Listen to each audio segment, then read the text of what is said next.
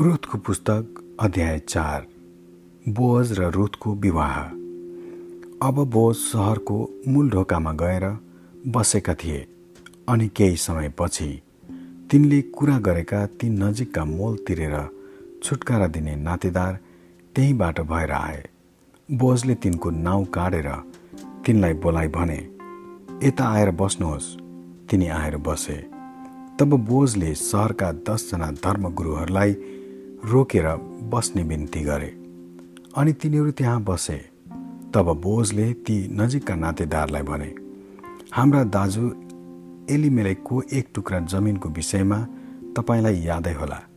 मुआबीहरूको देशबाट नमी फर्केर आएकी छिन् र त्यो बेच्न तिनी चाहन्छन्।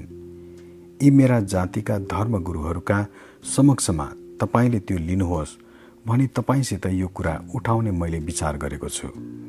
नजिकको नातेदारको कर्तव्य तपाईँ गर्नुहुन्छ भन्ने गर्नुहोस्। तर गर्नुहुन्न भने मलाई भन्नुहोस् र मलाई थाहा लाग्नेछ। किनभने तपाईँ पछिको नजिकको नातेदार म हुँ। तिनले भने नजिकको नातेदारको काम म गर्नेछु तब बोजले भने नमी र मुआबी रुतबाट त्यो जमिन लिएको दिन मरेका मानिसको पैतृक सम्पत्तिसँग तिनको नाउँ कायम राख्नलाई ती मरेका मानिसकी पत्नी पनि तपाईँले प्राप्त गर्नुहुनेछ। यो सुनेर ती नजिकको नातेदारले भने म आफै यो काम गर्न सक्दिनँ किनभने मेरो आफ्नै पैतृक सम्पत्ति गुमाउने मलाई डर छ। यसर्थ मैले गर्नुपर्ने नजिकको नातेदारको काम तपाईँले गर्नुहोला। म यो काम गर्न सक्दिनँ। प्राचीन समयमा जग्गा जमिन मोल तिरेर लिँदा वा सट्टापट्टा गर्दा दिने मानिसले आफ्नो जुत्ता फुकालेर लिने मानिसलाई दिने चलन थियो। इजरायलमा पक्का गर्ने रीति यस्तै थियो।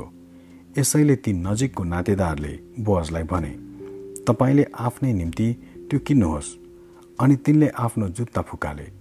तब बोजले ती धर्मगुरुहरू र अरू सबै मानिसहरूलाई भने मैले आजको दिन एलिमेलेक अनि महलोन र किलियोनका जे जति छन् सो सबै नयमीको हातबाट प्राप्त गरेको कुरामा तपाईँहरू साक्षी हुनुहुन्छ। यसबाहेक महलोनकी पत्नी मुआबी रुथलाई पनि ती मरिसकेका मानिसको पैतृक सम्पत्तिसँग तिनको नाउँ कायम राख्नलाई तिनका नातेदारहरूका बीचबाट र सहरको खाताबाट तिनको नाउँ नमेटियोस् भनेर मैले आफ्नी पत्नी हुनलाई प्राप्त गरेको छु। तपाईँहरू आजको दिन साक्षी हुनुहुन्छ। तब धर्मगुरुहरू र मूल ढोकामा हुने सबैले भने हामी साक्षी छौँ। तपाईँको घरमा आउने यी स्त्रीलाई परमप्रभुले इजरायलको घराना निर्माण गर्ने राहेल र लेया जस्तै तुल्याउन्। ए प्रातामा तपाईँको कदर होस् र बेतलेहममा तपाईँको नाउँ प्रसिद्ध होस्। अनि परमप्रभुले तपाईँलाई यस युवतीबाट दिने सन्तानको घराना तामारले यहुदाबाट जन्माएका छोरा फारेसको घराना जस्तै होस्। दाउदको वंशावली यसरी बोजले रुथलाई लगे। र तिनलाई आफ्नी पत्नी तुलाए।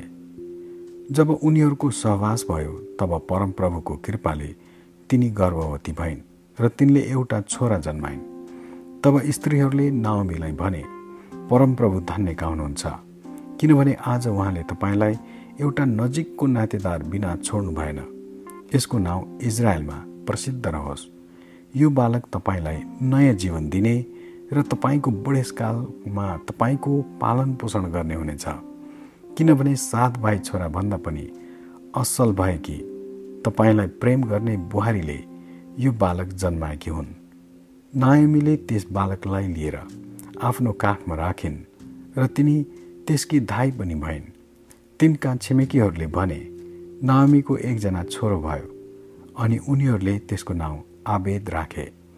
तिनी नै इसैका बुबा र दाउदका बाजे थिए। फारेसको वंशावली यही हो। फारेस हेस्रोनका पिता भए। हेस्रोन आरामका पिता भए। आराम अमिनादाबका पिता भए। अमिनादाब नहसोनका पिता भए। नहसोन सलमोनका पिता भए। सलमोन बोजका पिता भए। बोज आबेदका पिता भए।